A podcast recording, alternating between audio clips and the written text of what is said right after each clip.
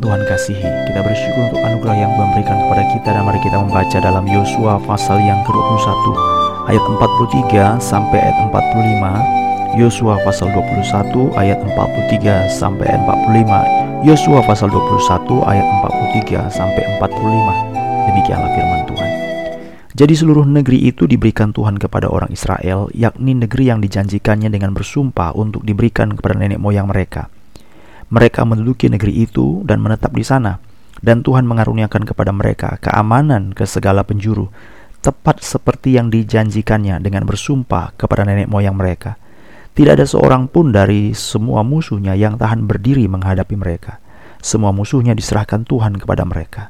Dari segala yang baik yang dijanjikan Tuhan kepada kaum Israel, tidak ada yang tidak dipenuhi, semuanya terpenuhi. Sampai di sini pembacaan kitab suci.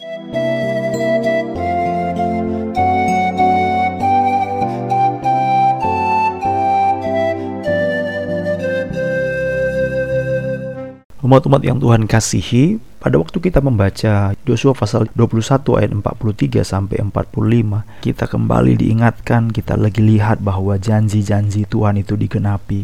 Dan ini merupakan suatu perkataan-perkataan yang menghibur karena apa yang disampaikan dalam kitab suci, sungguh-sungguh Allah tidak berdusta dan apa yang dikerjakan Allah itu ya dan amin. Pada bagian ini, meskipun kita mengatakan bahwa janji-janji Tuhan itu diberikan digenapi, tetapi memang itu pergumulan yang sangat serius. Tuhan tetap menuntut kesetiaan. Jadi fokusnya itu pada Allah yang berjanji dan Allah yang memberikan kepada kita status itu. Itu sebabnya jangan sekali-kali kita lupa Tuhan selalu menuntut. Dia menuntut kesetiaan, dia menuntut ketaatan, dia menuntut kita supaya sesuai dengan firman-Nya. Orang Israel pada waktu dia sampai pada tanah perjanjian, ada begitu banyak hal yang terjadi, saudara-saudara. Mereka berhadapan dengan satu keadaan di mana Tuhan mengatakan, khususkan kota Yeriko bersama dengan seluruh harta yang ada di sana itu, ternaknya, besi, emas, perak, itu semua dikhususkan bagi Tuhan. Tetapi ada seorang yang bernama Akan. Dia mengambil, menyembunyikan kain barang berharga untuk dirinya sendiri.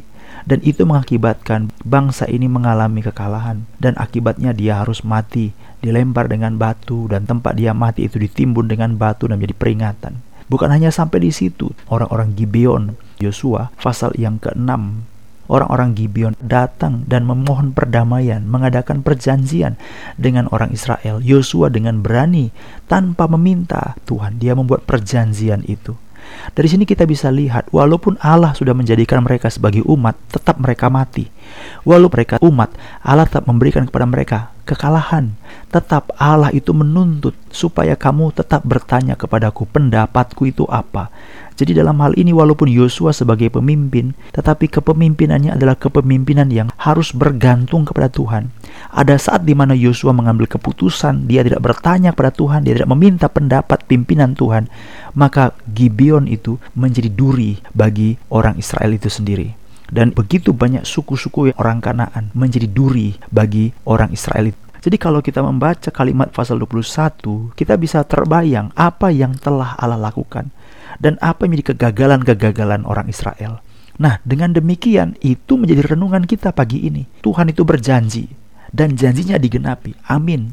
Tetapi sambil kita menunggu Tuhan menggenapkan janji itu, sambil kita juga berpengharapan bahwa Tuhan akan menggenapi janji itu, kita harus terus-menerus bertumbuh dalam iman supaya kita sanggup untuk menjalankan apa yang dituntut atau yang diminta oleh Tuhan. Waktu kita membaca Yosua pasal 21 ayat 43 sampai 45, kita bersuka cita karena Tuhan menggenapi apa yang telah dijanjikan olehnya. Amin, puji Tuhan. Dia menggenapi, menepati apa yang dijanjikan olehnya. Tetapi sambil kita bersuka cita karena kita menantikan Tuhan menggenapkan apa yang dijanjikan itu, kita berpengharapan apa yang Tuhan janjikan itu, kita juga harus beriman. Beriman supaya kita terus bertumbuh dalam mengenal Tuhan. Karena janji itu bisa tertunda, janji itu bisa dibatalkan. Kok janji boleh dibatalkan? Tidak boleh dong. Loh, pembatalan itu bukan dari Tuhan, saudara-saudara, tapi pembatalan itu dari kita. Karena perjanjian itu dibuat dasarnya adalah apabila engkau taat, apabila engkau setia, apabila engkau hidup sesuai dengan apa yang kufirmankan. Tapi pada waktu kita tidak taat, kita tidak setia, janjinya dibatalkan. Lalu kita berkata, Tuhan engkau membatalkan sepihak. Loh, Tuhan bukan membatalkan sepihak. Bukan Tuhan yang tidak setia. Kita yang lebih dulu tidak setia.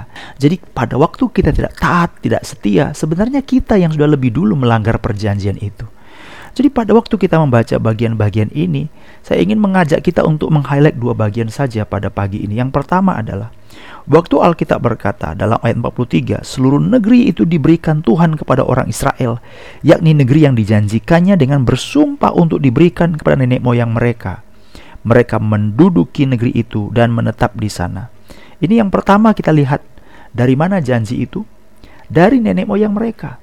Dari mana janji itu diberikan pada masa yang lampau. Ada hal yang indah sekali pada waktu Yosua disuruh Tuhan untuk membagikan tanah-tanah perjanji itu mulai pasal yang ke-13 pasal 14. Apa itu? Seperti yang dikatakan Musa. Seperti yang diperintahkan Tuhan kepada Musa. Jadi ini merupakan hal yang kita sebut sebagai rencana awal. Yosua tidak berhak untuk merubah apa yang telah diperintahkan oleh Tuhan atau apa yang telah diriwayatkan atau diwasiatkan oleh Musa. Musa memang sudah mati, dia sudah tidak ada lagi, tetapi dia tetap adalah hamba Tuhan dan Yosua melakukan tepat seperti apa yang diperintahkan oleh Musa. Demikian juga pada bagian ini, Alkitab berkata, Tuhan telah berjanji seperti yang dijanjikannya dengan bersumpah untuk diberikan kepada nenek moyang mereka. Jadi rencana Allah itu tetap harus jadi. Manusia yang tidak sesuai dengan rencana Allah itu akan dibuang oleh Tuhan. Tetapi walaupun rencana Allah itu kita mengatakan itu kan rencana masa kuno, itu kan rencana masa lalu, itu kan cerita-cerita yang semalam-semalam, gak ada lagi berlaku sekarang. Kalau itu sesuai dengan rencana Allah, tetap itu akan berlaku. Manusianya boleh berganti, keadaannya boleh berganti, tapi perjanjian rencana Allah tetap. Yang kedua, Alkitab berkata dalam Yosua pasal 21, 44 begini. Tuhan mengaruniakan keamanan kepada mereka ke segala penjuru tepat seperti yang dijanjikannya dengan bersumpah kepada nenek moyang mereka. Diulang lagi. Tetapi pada bagian kedua ini dalam ayat 44, tidak ada seorang pun dari semua musuhnya yang tahan berdiri menghadapi mereka.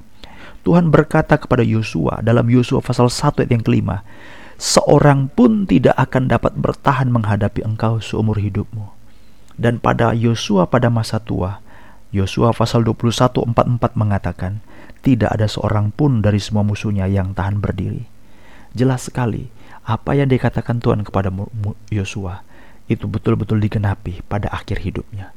Apa yang dikatakan Tuhan kepada Musa dijalankan oleh Yosua.